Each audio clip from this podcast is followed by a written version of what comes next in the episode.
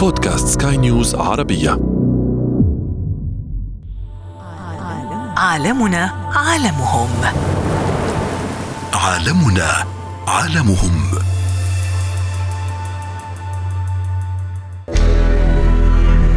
النفايات الخطرة بتحمل نوعين خطر. أول خطر هو الخطر الميكروبيولوجي وثاني خطر هو الخطر الكيميائي والإشعاعي.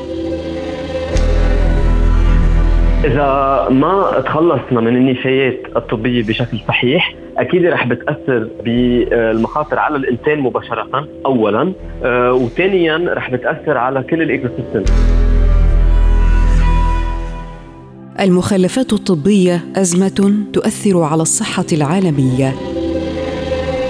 منظمة الصحة العالمية تدق ناقوس الخطر وتعرض إحصائيات عن المخلفات الطبية وتقسمها إلى مخلفات طبية غير خطرة التي تبلغ نسبتها 85% أما الخطرة تبلغ 15% هي نسبة قادرة على نقل العدوى وتحمل المواد السامة والمشعة. الخطورة لا تكمن فقط في كيفية التخلص منها ولكن في وجود طرق تسبب التلوث البيئي ومنها الحرق. تتنوع المخلفات ما بين ناقلة للعدوى ومخلفات باثولوجية والأجسام الحادة والمواد الكيميائية وغيرها هل تنقل بعض الأمراض إلى العاملين في المجال الطبي من أطباء وممرضين وحتى العاملين على جمع هذه المخلفات؟ بالطبع نعم يقدر عدد الحقن التي تستخدم كل عام حوالي 16 مليار حقنة وتكمن المشكلة في كيفية التخلص منها بعد الاستخدام. يتم في بعض الأحيان حرق مخلفات الرعاية الصحية وربما ينتج عن هذا الحرق انبعاثات في شكل ديوكسينات وغير ذلك من ملوثات الهواء السامة. إن أنشطة الرعاية الصحية تحمي الصحة وتنقذ الأرواح ولكن ماذا عن المخلفات والمنتجات الثانوية التي تنتج من هذه الاستخدامات؟ هناك أنواع كثيرة من المخلفات التي تنقل العدوى مثل عينات التشخيص للكثير من الفحوصات الطبية المختلطة بالدم وبالكثير من سوائل الجسد ومخلفات المعامل الطبية ومخلفات الكثير من المرضى في أماكن العزل وليس هذا فحسب بل المعدات الطبية أيضا. إن لم تعقم ستكون ضارة للمرضى والممرضين والفرق الطبية وللزوار. هناك بعض الأدوات البسيطة التي تنقل العدوى إن لم يتم التخلص منها بشكل مباشر مثل الضمادات الطبية التي تحمل آثار الدم. هناك خطورة أخرى تكمن في المواد الكيميائية التي تستخدم في المواد المطهرة وفي بعض المعدات الطبية والعقاقير المستخدمة لعلاج السرطان ومخلفات مشعة. نتعرف على تفاصيل والمخاطر وطرق التخلص منها مع المتخصصين. عالمنا عالمهم. عالمنا عالمهم.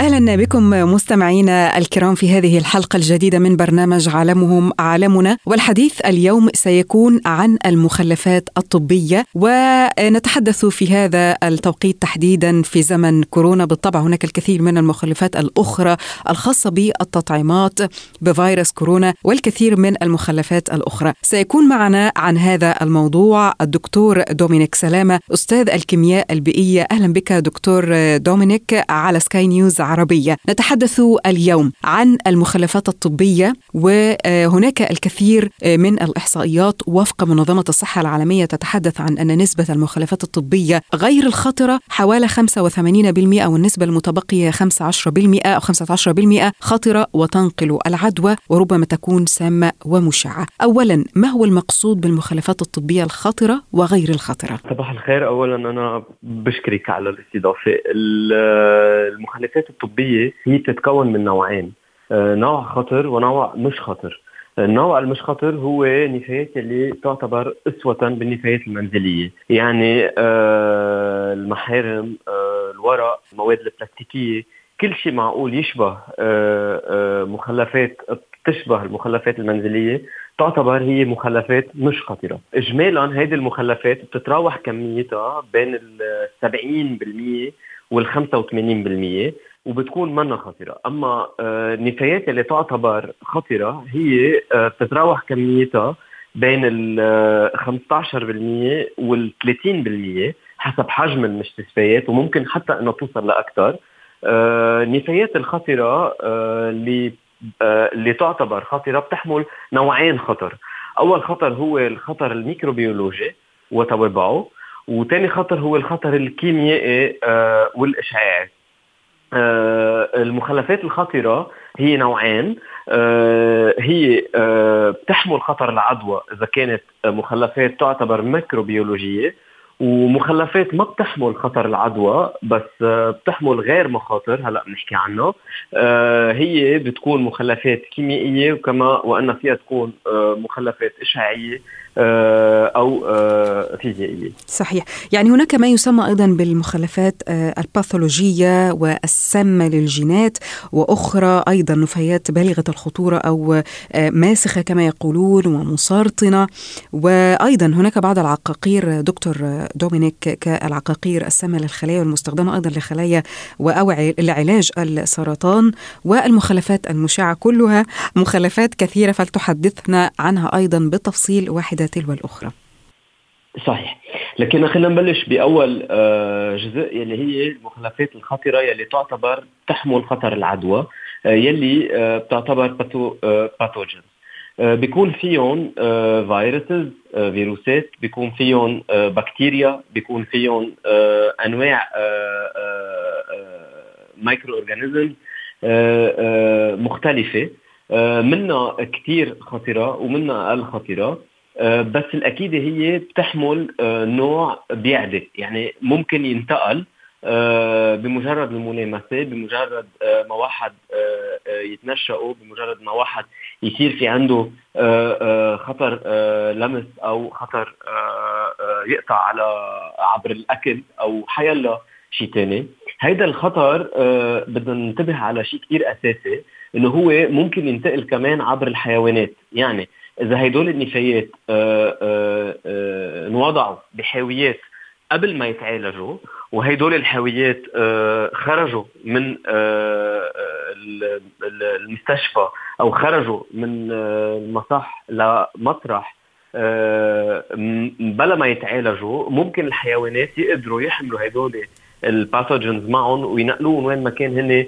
وعم بيقربوا على حيويات النفايات أو غيرها. يعني يتضرر آه يتضرر الحيوانات ويتضرر ربما الإنسان الذي ربما يحتك بهؤلاء الحيوانات بشكل مباشر.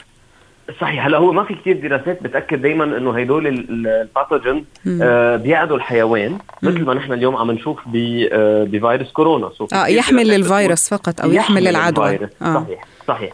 so يحمل العدوى آه وبالحقيقة بالحقيقة هو دائما الإنسان اللي رح بيتضرر. so, آه, والأكيد إنه آه, هدول ال type of of waste يلي بنسميهم أنواع النفايات يلي بتحمل خطر العدوى معالجتهم بتتم بطريقة آه، آه، آه، واضحة يلي هي التعقيم. هلأ بنرجع بنحكي عن تقنيات المعالجة بعد شوي صغيره بس هدول النفايات اجمالا كميتهم هي الأكثر بجزء النفايات اللي بتحمل خطر العد... المخاطر بالنفايات الطبية. أما بالنسبة لثاني جزء من النفايات ومثل ما حضرتك قلتي مزبوط هن ما بيحملوا خطر عدوى بس بيحملوا آه، آه، كيميائيات و molecules خطرين آه، مثل مثل الجزيئات المسرطنة يلي بنسميهم cytotoxics هيدول هن يستعملوا اجمالا لمعالجة أمراض سرطانية بس بحد ذاتهم هن بيولدوا أمراض سرطانية. لكن إذا حدا تعرض لهدول المواد بيكون تحت خطر واضح اللي يسمى الخطر المسرطن.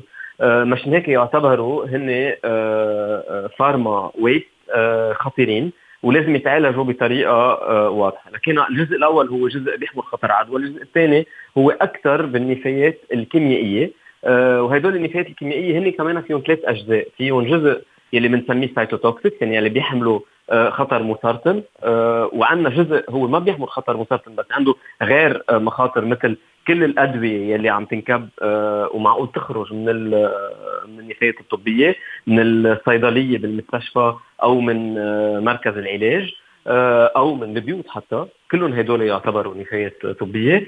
وعندنا آخر جزء يلي هو يعني آخر part من النفايات يلي ما بتحمل خطر العدوى بس يلي هي خطرة. هي النفايات يلي بتكون تستعمل أو ممكن يكون فيها أي خطر إشعاعي radioactive waste هدول كمان معقول يكونوا بقلب آه، بعض الأدوية أو ببعض آه، المواد اللي تستعمل بمراكز التصوير المغناطيسي. بحب شدد على فكرة كثير أساسية هون إنه بطريقة transversal على كل هدول النفايات في عندنا نوع من النفايات اللي بنسميه نحن النفايات الخطرة الجارحة. آه، آه، ال sharp هدول اللي بيكونوا هن الإبر. مثل الحقن. آه هذا هو السؤال الحقن. هذا هو السؤال صحيح. دكتور دومينيك لأن ربما آه، الكثير من الأشخاص لا ينتبهوا إلى مدى خطورة هذه الحقن أو السرنجه كما يقولها البعض في لها خطورة كبيرة وربما يتم التخلص منها بشكل يعني ليس صحيح ويتم استعمالها مرة أخرى. يعني سمعنا عن ذلك كثيرا. لذلك يعني هذه الحقن التي يتم استهلاك نحو 16 مليار حقنة في جميع أنحاء العالم. كيف يتم التخلص من هذه الحقنة التي ربما تنقل الكثير من العدوى ليست كالإشعاعات والأخرى المتعلقة بمرض السرطان ولكنها ربما تنقل عدوى كفيروس الكبد الوبائي الذي يصيب ملايين البشر. هي بتحمل خطرين. بتحمل خطر آه، ميكروبيولوجي وبتحمل خطر كيميائي حسب شو مستعمل فيها قبل. بس بكل الأحوال أساس هو إنه تستعمل مرة واحدة ولا يجوز استعمالها مرة ثانية. هذا شيء أكيد. هلأ للمعالجة آه إذا بتحب نحكي عن المعالجة في عندنا ثلاث طرق معالجة حسب الثلاث أنواع اللي هلأ شرحتهم. آه بما فيهم الحقن. بما فيهم الحقن. نعم. بكل الأحوال مم. بكل الأحوال الحقن مثل ما آه هلأ شرحت هي موجودة إن كان عبر النفايات اللي تحمل خطر عدوى أو ضمن النفايات اللي ما بتحمل خطر عدوى بس تحمل خطر. كيميائي أو سايتوتوكسيك إذا كان الإبر أو مش ضروري بس الإبر كل المواد اللي بتجرح يلي تستعمل حتى بغرف العمليات كل المواد يلي بتستعمل كرمال التقطيب وقت يكون في جرح آه، عميق. كل هدول المواد آه، إذا كانوا بيحملوا خطر عدوى قوانين دولية والمراسيم والطرق المعالجة الدولية اللي بنسميها البنش مارك إن كان بمنظمة الصحة العالمية المعتمدة أو آه، بغير مناطق بالعالم عندها اطرها القانونيه تعالج عبر التعقيم. شو هو التعقيم؟ في عندهم أربعة وليس الحرق دكتور دومينيك؟ الحرق هو واحدة من آه من طرق التعقيم آه ولكن هي الأكثر آه تلوثا. آه بس هي طريقة من طرق التعقيم. التعقيم هي آه طريقة بتقتل آه population of microorganism يعني بيكون في عندي ميكروبات معينين آه بيموتوا عبر التعقيم. التعقيم ممكن يكون حراري التعقيم الحراري ممكن يكون عبر آه، آه، التعقيم البخاري يلي بنسميه autoclaving وهيدا آه، شيء هين واحد يقدر يفهم كيف كيف يستعمل. هو exactly مثل وقتها نحن بنسخن تنطبخ حتى نطهر الأكل. التطهير التعقيم هو عبر البخار بلا ما directly يتعرض للنار. هذا التعقيم البخاري بنسميه. هيدا أول طريقة تعقيم. ثاني طريقة تعقيم هو التعقيم الإشعاعي. لكل المخلفات دكتور أم لمخلفات محددة؟ كل المخلفات اللي بتحمل خطر العدوى تعقيم. فيها فيها تتعقم بهيدي الطريقة ولازم تتعقم بهيدي الطريقة. وحدة من هدول الأربعة. لكن التعقيم البخاري مم. التعقيم الإشعاعي آه يعني وقتها نحن بنعرض النفايات اللي بتحمل خطر العدوى لإشعاعات infrared آه أو مايكروويف ونحن بنعمل بطريقة لحتى تكون ال energy آه، الطاقة يلي بتعقم آه، بتعقم آه، من الميكروبات الموجودين. ثالث طريقة هي التعقيم الكيميائي يلي هي أقل وحدة لازم تستعمل إذا كانوا كميات النفايات كثير كبيرة مثل وقتها بيستعمل الكلورين أو غيرهم كرمال لحتى يتعقموا. ورابع طريقة تعقيم هي التعقيم عبر الحرق المحرقة. يلي هي مثل ما بنعرف المحرقة خطورتها إنه لأنه هدول النفايات اللي بيطلعوا من المستشفيات في بقلبهم بلاستيك في بقلبهم آه. غير أنواع ممكن تودي dioxins و furans مواد ملوثة بالهواء وبيبقوا آه. بالقش كثير خطرين آه بس لكن النفايات اللي بتحمل خطر العدوى الحل الوحيد تبعها هي التعقيم. ولكن آخر سؤال دكتور دومينيك الأثر السلبي على البيئة إن لم يتم التخلص منها بشكل صحيح؟ إذا ما تخلصنا من النفايات الطبية بشكل صحيح أكيد رح بتأثر بالمخاطر على الإنسان مباشرة اولا. آه وثانيا رح بتأثر على كل ال ecosystem أكيد ممكن تنتقل العدوى عبر الحيوانات آه ممكن هيدي ال molecules يلي ممكن ما يكونوا بيحملوا خطر العدوى يبقوا بالمياه الجوفية مثل ال cytotoxics وغيرهم والمياه ممكن تصير مسرطنة إذا انكبوا. وإذا تعالجوا ب technology منا صحيحة ممكن كمان هذه ال technology تولد مواد هي بحد ذاتها خطرة مثل ال dioxins وال furan مواد بتجرح. نعم. إذا ما من بعد ما تعقموا مثلا النفايات اللي بتجرح انفرموا ذوبوا وكمان هيدي خطرتين وضحت الصورة تماما دكتور دومينيك سلامة أستاذ الكيمياء البيئية. شكرا لك على المشاركة في برنامج عالمهم عالمنا للحديث عن حماية كوكب الأرض وحماية البيئة. نشكرك جزيل الشكر. شكرا لكم. عالمنا عالمهم عالمنا عالمهم لنحافظ على كوكبنا وبيئتنا لأن عالمهم عالمنا.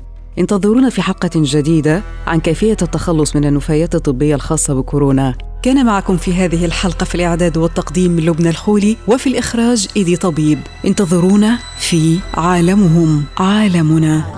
عالمنا عالمهم. عالمنا عالمهم.